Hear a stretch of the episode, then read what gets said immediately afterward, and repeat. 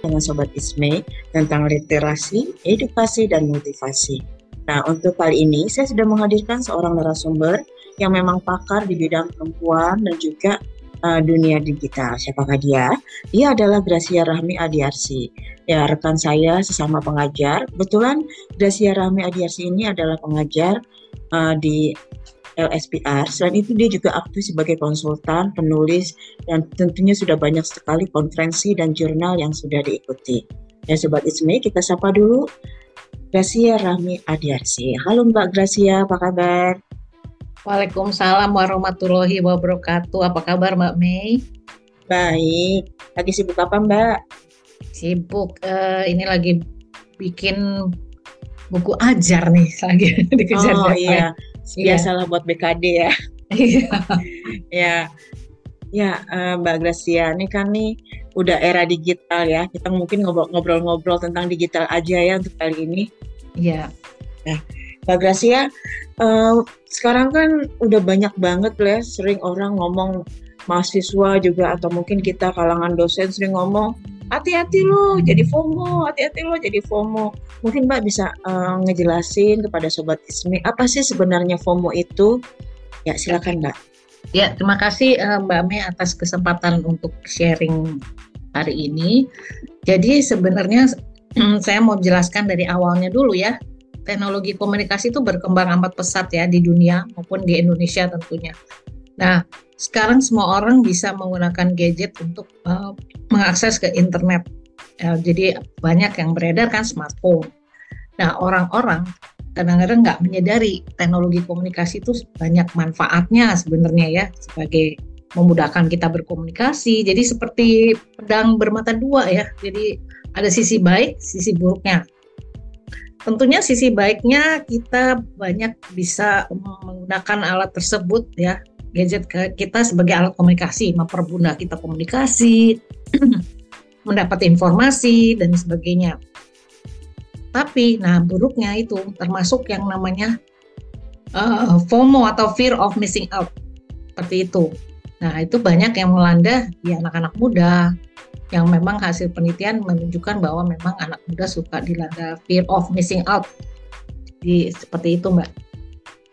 Ya, memang uh, era digital ya, Mbak ya, uh, membuat orang sebenarnya mudah banget untuk mendapatkan informasi. Tapi karena begitu banyak yang seliweran, jadi uh, membuat ada istilah tuh yang namanya kepo ya, rasa ingin tahu kan. Iya. Nah, seperti itu. Nah, Mbak, sebenarnya uh, kalau menurut data-data nih, uh, media digital apa sih yang paling banyak diakses oleh anak muda atau mungkin juga termasuk kita sendiri? Ya sebenarnya kalau kita lihat dari hasil penelitian atau data dari We Social itu memang uh, di Indonesia itu pengguna internet itu banyak kepada media platformnya tuh WhatsApp ya. Ini untuk keseluruhan dalam arti usia yang hasil penelitian tuh usia dari 16 sampai 65 tahun itu uh, yang dominan itu menggunakan WhatsApp itu sekitar 92,1 di di bawahnya yaitu Instagram sekitar 86,5 persen, kemudian Facebook, TikTok, Telegram, Twitter, dan terakhir adalah Skype ya. Skype masih ada juga ya Mbak ya. Seperti itu.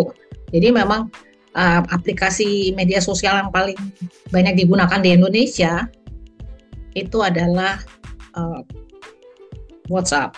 Seperti itu. Ya. Memang ini ya Mbak, WhatsApp itu walaupun uh, bukan sebagai media sosial seperti IG, Facebook dan uh, apa TikTok, dia punya karakteristik yang berbeda ya Mbak.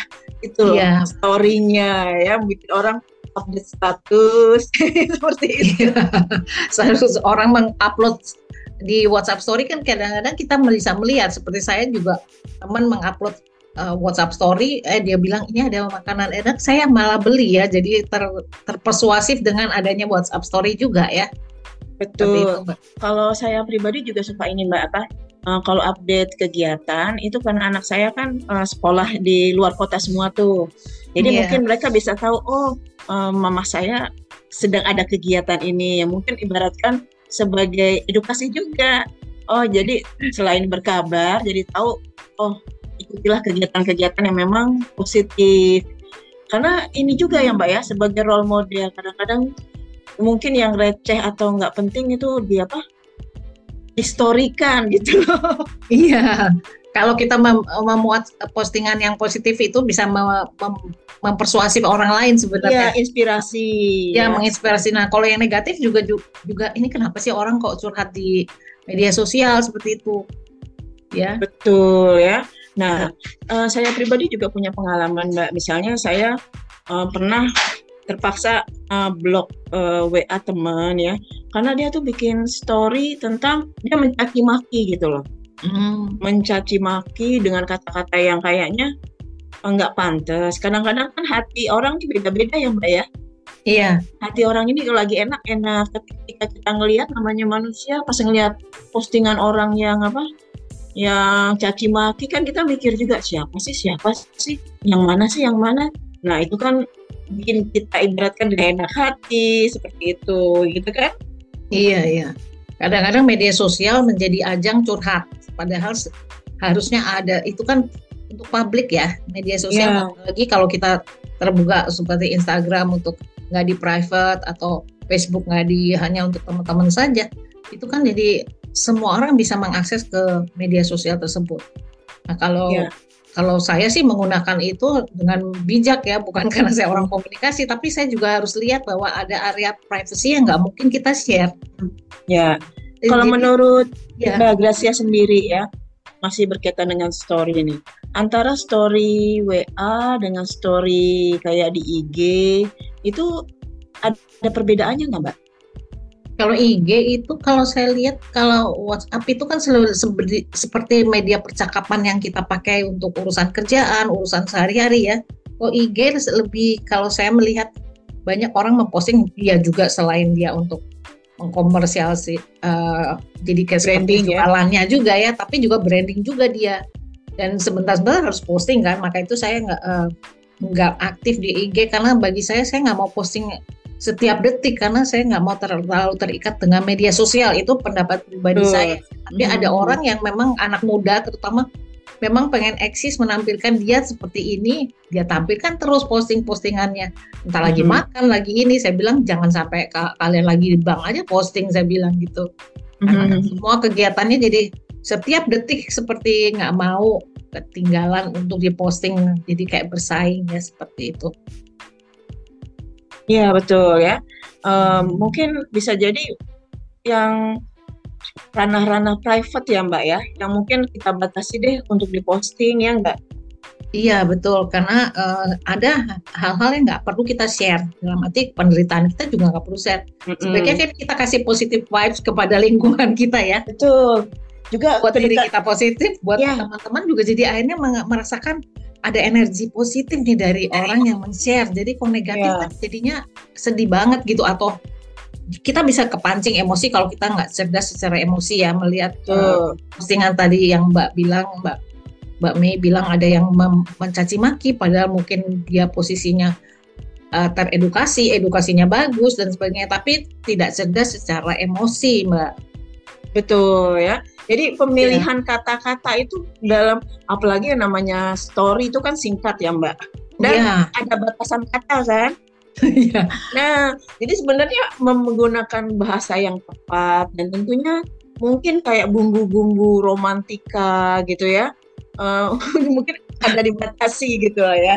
Iya iya betul. Jadi diksi, jadi pemilihan kata itu memang harus kita berstrategi lah. Kebetulan kita memang backgroundnya orang komunikasi. Iya betul. Gak bisa semua yang uh, meng apa namanya memberikan aura negatif itu nggak usah di share karena kan kita ingin semuanya menjadi bahagia happy betul ya. motivasi jangan membagi sesuatu yang negatif apalagi sekarang menjelang pemilu aduh uh, hindari dengan hoax hoax dan sebagainya nah itu ya. teknologi komunikasi bisa menjadi uh, pisau bermata dua dari ya. sisi buruknya hati-hati ya. jadi memang harus cerdas dalam menyingkapi apa-apa yang diposting dan kita juga cerdas sebagai orang yang paham akan teknologi, kita harus paham lah, sadar bahwa ini bisa membahayakan orang banyak. Nah, kita jangan sampai seperti itulah. Maka itu perlu yang namanya literasi digital ya, Pak. Ya, di satu sisi juga mungkin ada pemahaman ini, Mbak. Setiap orang memanfaatkan media digital itu beda-beda ya. ya. Mungkin orang yang suka traveling pasti uh, dia tentang traveling ya. Yeah. Saya juga suka fotografi, mungkin saya tentang fotografi. Dan saya sekarang sedang mengembangkan akun literasi. Mungkin orang yang suka masak pasti tentang masakan atau kuliner. Nah, itu nggak bisa kita samakan ya Mbak ya? Iya betul.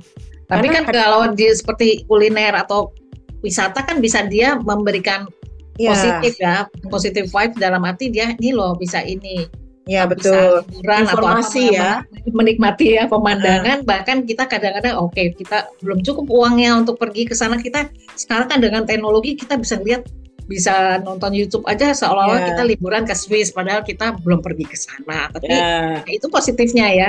Hmm. Jangan yang menyebarkan yang berantem atau apa. Hmm, betul. Kadang-kadang ada yang orang pelakor atau apa digerebek atau apa jadi di apa manfaatnya gitu loh. Ya. Nah, jangan menyebar uh, kebencian atau yeah. Tapi ada juga gini, Mbak. ya, ada juga hal-hal gini. Ada orang yang mungkin terbiasa mengposting hal-hal yang berkaitan dengan pribadi yang mungkin bagi orang lain itu tidak. Misalnya ada orang yang tidak posting keluarga, ya karena yeah. bagi dia keluarga adalah keluarga ranah real ya. Jadi tapi yeah. lu kok jarang posting foto keluarga? Nah, kadang-kadang ada mungkin namanya kita kan masyarakat komunal ya. ada yeah, kepo-kepo ke arah sana gitu loh. Nah, uh, Mbak Gracia, sebenarnya uh, orang dikatakan FOMO itu kalau dia mengakses berapa lama sih ya dalam per hari itu atau per minggu? Jadi sebenarnya definisi fear of missing out atau FOMO itu adalah ketidakmampuan dia untuk melepaskan yang namanya melepaskan diri dari jejaring sosial. Dia takut akan kehilangan sesuatu. Nah, itu berdasarkan penelitian bahwa rata-rata orang yang ngecek ponsel itu memeriksa ponselnya sebanyak 221 kali itu termasuk kategori yang dari pagi sampai malam itu udah uh, fear of missing out jadi FOMO. Jadi dia takut kan ketinggalan berita atau takut nanti uh, temennya membicarakan apa dia ini kalau anak muda kan pengen uh, cepet-cepet termasuk yang ini atau juga kalangan tua juga ya. Tapi kalau penelitian mengenai kalangan tua belum saya menemukan ya bahkan memforward sesuatu yang berita hoax tanpa diseleksi itu juga bisa kan karena dia betul. FOMO uh, bahkan saya pernah dengar salah satu teman saya orang tuanya gitu orang tua temennya itu sampai kena itu ya undang-undang ITE karena dia memforward sesuatu yang nggak benar. Jadi hoax itu itu bahaya. Apalagi dia nggak menyeleksi ya betul. era pemilu ya mbak Aduh, screenshot, iya. forward, screenshot, for sampai penuh. Kita mau apa? Iya. Mau keluar lift juga nggak enak, ya. Iya. Mau kita tegur kadang-kadang mungkin orang itu lebih tua, kita masih iya. nimbang-nimbang, ya kan? Iya.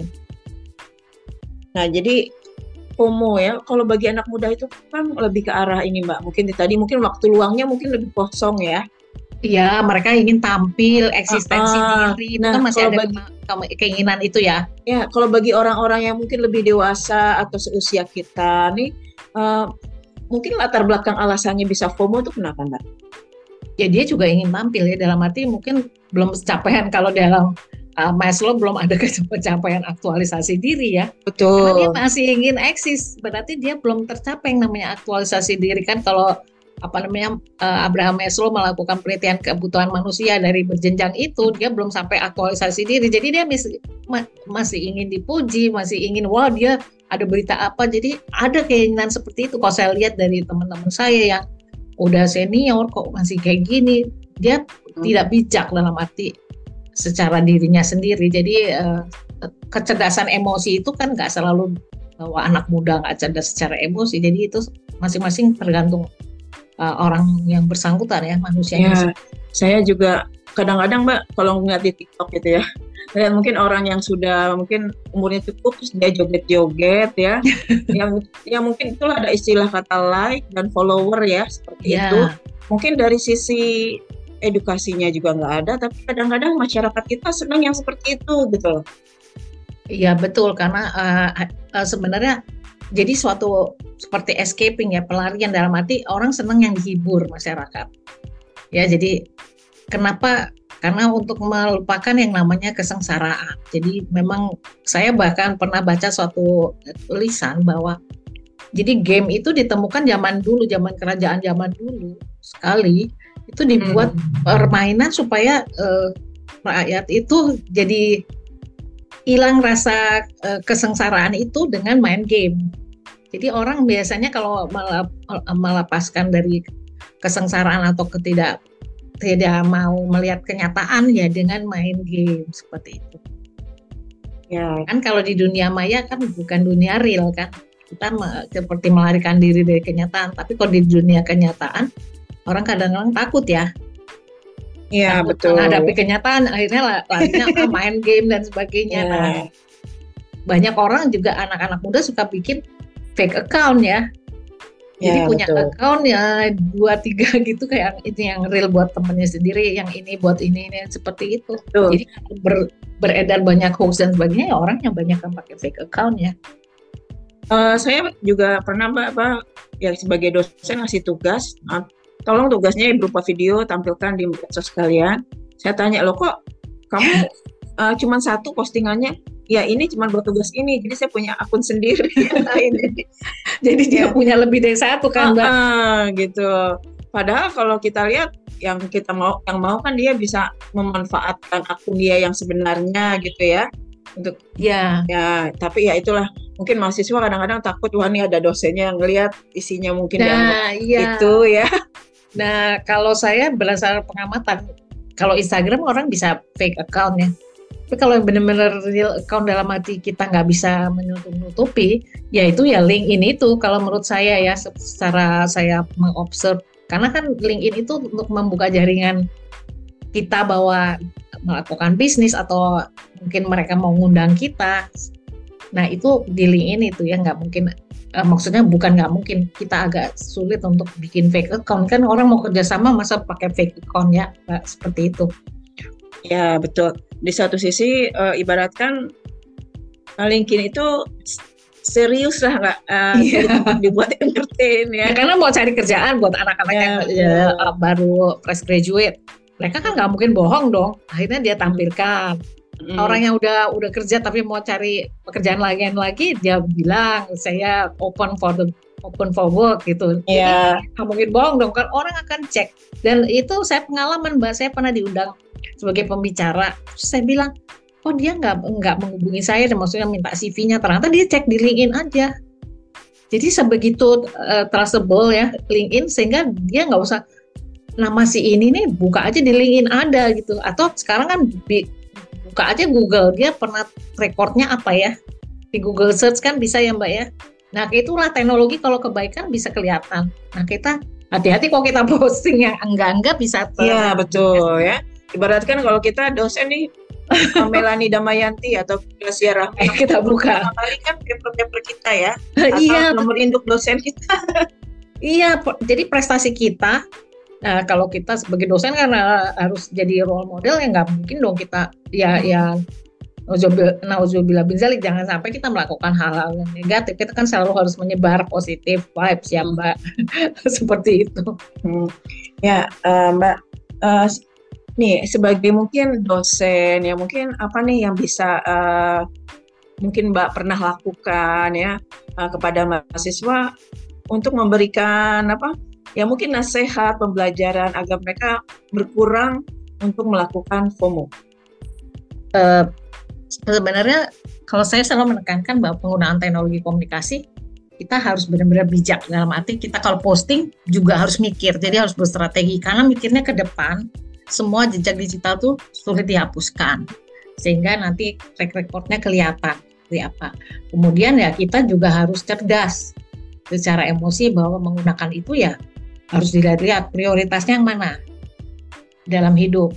Karena ngambil sesuatu yang positif dari teknologi bisa. Karena dengan lewat internet itu kita bisa dapat kursus gratis, ikut dapat pengetahuan banyak sekali ya terbuka.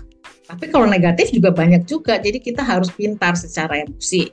Bahkan saya juga karena pandemi itu justru saya mendapat um, manfaatnya karena dengan semuanya bekerja dari rumah dan semua pakai teknologi, akhirnya bisa ikut seminar, kadang-kadang di Surabaya, kadang-kadang seminar ada di Australia, ada di mana, itu dengan gratis. Nah, manfaatkanlah eh, teknologi dengan sebaik mungkin. Jadi kita kurangi dengan sesuatu yang negatif itu kita jangan sampai kita jadi edik sama internet ya. atau FOMO dan sebagainya. Ya betul Mbak. Sekarang memang banyak sekali uh, apa sih kursus-kursus gratis. Sebenarnya itu uh, adalah kemauan dari kita untuk melihat sisi pemanfaatan dan hal positif dari media digital ya Mbak ya seperti itu. Iya. Nggak cuma melihat mungkin yang entertainnya saja atau dominan entertainnya saja, apalagi mungkin hal-hal yang menghabiskan waktu. Ada loh Mbak. Iya. anak muda itu semua story orang diliatin termasuk story ada kalau mereka apa nggak capek? Gitu. Ya ya mungkin kalau lagi bikin penelitian sih bagus aja ya jadi observasi gitu ya. Jadi malah jadi manfaat kan tapi kalau hmm. untuk kepoin orang uh, mungkin ngapain gitu tapi kan uh, nah, prioritas hidup itu ya. apa? Saya pun uh, ini apa saya pun kalau ngelihat story itu mbak milih-milih. Karena selain kita sibuk ya kan ya. Di satu sisi uh, kalau ada tulisan dari jauh innalillahi nah itulah yang mungkin prioritas perlu kita lihat ya. Tapi yeah. kalau kita sampai satu persatu kayaknya aduh kayaknya makan waktu gitu loh. Dan ada hal yang lebih positif yang dapat kita lakukan ya.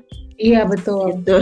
kalau uh, mahasiswa saya dorong mamanya kalau bikin paper dan sebagainya lihat itu jurnal artikel jurnal. Lihat buku apa yang mereka kutip. Searching lagi. Jadi kita berselancar lah di Google cari bukunya. Jadi buku itu kan nggak harus beli tapi kan banyak yang PDF yang free. Mm-hmm. jadi belajar dari situ. Itu kalau kita memotivasi mereka ya supaya mereka jadi lebih banyak uh, membaca. Iya betul ya. tambah luas gitu seperti itu Ya, tapi mungkin ini sebagai pendidik ini mungkin tantangan ya Mbak uh, di era digital. Karena uh, mungkin pengalaman saya atau pengalaman Mbak Gracia kadang-kadang banyak textbook atau banyak hal membuat mereka akhirnya kopas kan ya. Ah iya. Ya, akhirnya plagiat. Jadi ya uh, di sinilah tantangan yang mungkin kita dunia kita zaman kita dulu ya Mbak mungkin ya beda ya karena kan kalau mau cari Google aja harus ke perpustakaan uh -uh. Mau nggak mau kita jadi banyak baca ya kan iya nah sebenarnya jadi, dengan sekarang teknologi justru sebenarnya banyak buku yang bisa kita download secara betul gratis betul uh -uh. jadi sebenarnya eh, harusnya lebih pintar ya. saya bilang tapi kemauan membacanya ya. ya mbak ya nah iya kan Indonesia termasuk uh, literasi membacanya itu termasuk rendah, ya. rendah ya. ya. Penelitian saya pernah baca juga. Jadi ya sayang ya memang harus didorong oleh orang tua ya. Di uh, dari kecil memang harus diajarkan bagaimana mendapat pengetahuan dengan membaca. Iya betul. Jadi ya uh, tentunya inilah tantangan media digital. Ya ada plus, ada minus tentunya kita juga nggak bisa menyamakan sama zamannya kita dengan zaman now ya mbak ya. Ya zaman kolonial sama zaman milenial beda sekali. Uh, sekarang nah, malah sekarang, udah bukan milenial, udah Gen Z ya. ya. Gen Z, iya benar. Uh, uh. Ya kan. Jadi sekarang, udah makin tantangannya lebih uh, besar. Iya. Milenial sekarang aja kan usianya udah termasuk tua mbak, udah 30 iya, 40-an ya. nah itu. Nah tadi kita udah bincang-bincang nih tentang bagaimana sih tentang FOMO dan juga sebagai sharing uh, sebagai seorang pendidik, dosen dalam menghadapi mahasiswa yang mungkin FOMO. Nah, kita sebagai uh, orang tua nih Mbak, kira-kira apa sih yang bisa kita lakukan sebagai orang tua agar anak mungkin ya tidak FOMO dan mungkin bisa uh, mungkin yang penting komunikasi dalam keluarga bisa lebih bagus. Karena era sekarang ya Mbak orang tua ngomong eh dianya asik megang handphone. Atau yeah. kalau kalau WA enggak katanya ada keluhan sampai di medsos juga lama banget dibalasnya. Ya iya betul. Karena itu dari FOMO itu juga kan akhirnya uh, keburukan dari teknologi yaitu distraction atau gangguan. Jadi dia nggak fokus melakukan sesuatu. Uh, bahkan kalau kita lagi makan saya selalu mendidiknya kita harus kasih contoh. Jadi jangan pakai handphone ya. Handphonenya taruh di kamar. Jadi makan tuh konsentrasi makan. Jadi perlu balancing dalam hidup. Ada waktu makan ada waktu belajar ada waktu kita bersosial media seperti itu. Jadi harus balance sih tapi harus kita kasih contoh sebagai orang tua sebagai ibu yang mendidik itu harus kasih contoh kitanya dulu harus kayak gimana kita nggak mungkin menginginkan anak kita seperti itu kalau kita nggak kasih contoh yang baik ya seperti ya, banyak ya itu tantangan kita sebagai orang tua juga ya. Ya, jadi role model ibu, iya. jadi role model di kampus sebagai dosen. Jadi uh, uh. banyak sekali tugas yang harus ini. Tapi senang-senang aja sih kalau saya sih uh, demi generasi yang lebih maju ya, lebih smart kita harus lebih smart dibandingkan smartphone seperti itu. Iya betul, saya suka sekali itu. Kadang-kadang mungkin sebagai manusia kita juga mungkin lupa ya. Ketika lagi makan kita malah asik pegang handphone. Padahal walaupun cuma nge uh, ngecek WhatsApp dari mahasiswa atau dari iya. dosen yang lain. Padahal kita kan harus bagi waktu itu nanti dulu uh, dong. Uh. Ada waktunya kita ini. Bahkan kadang-kadang mahasiswa suka hubungin saya malam-malam mentang-mentang saya masih sama Mbak. Uh, uh Loh saya bilang bimbingannya saya diemin aja atau saya tegur ini udah malam ya sebaiknya bimbingannya besok pagi. Ya, kan masa jam 11 malam saya, saya suruh bimbingan gimana kan ada waktu untuk tidur, ada waktu ya, ya. istirahat, ada waktu bimbingan. Nah, itu kita harus memang memberikan contoh, memberikan bukan berarti kalau kita masih online itu bisa dikontak kan ada etikanya juga ya sebenarnya.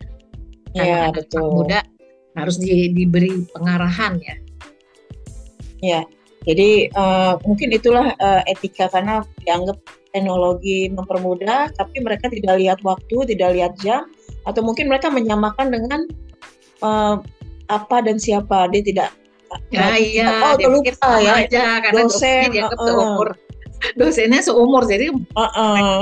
jadi kayak temen aja. Iya, jadi wah jadi memang sebagai orang tua, sebagai dosen, pendidik, tantangannya lumayan ya Mbak ya di era digital.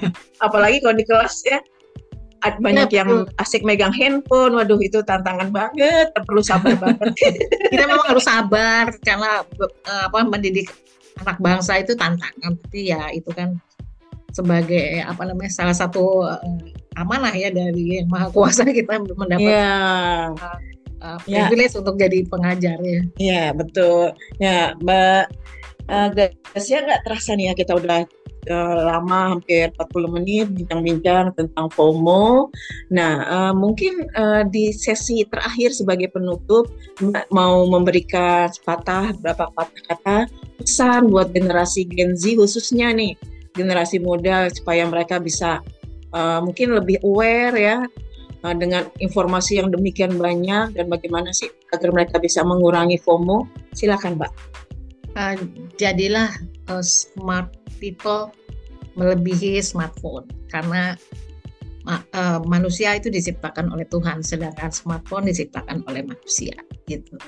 Jadi lebih jadilah lebih smart dibandingin your smartphone gitu. Seperti itu mbak wow bukan main ya sobat Isme uh, jadilah smart people ya karena biar bagaimanapun kita adalah ciptaan Tuhan yang memiliki akal berbeda dengan smartphone ya Terima iya. kasih banyak uh, Mbak Gracia Rahmi Adiarsi. Semoga ini bisa menjadi kebaikan bagi kita semua, juga bagi Gen Z dan pendengar podcast Isme.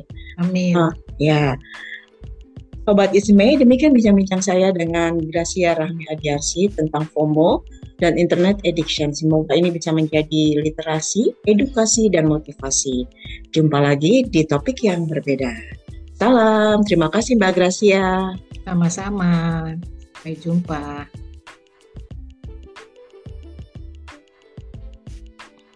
Saya stop.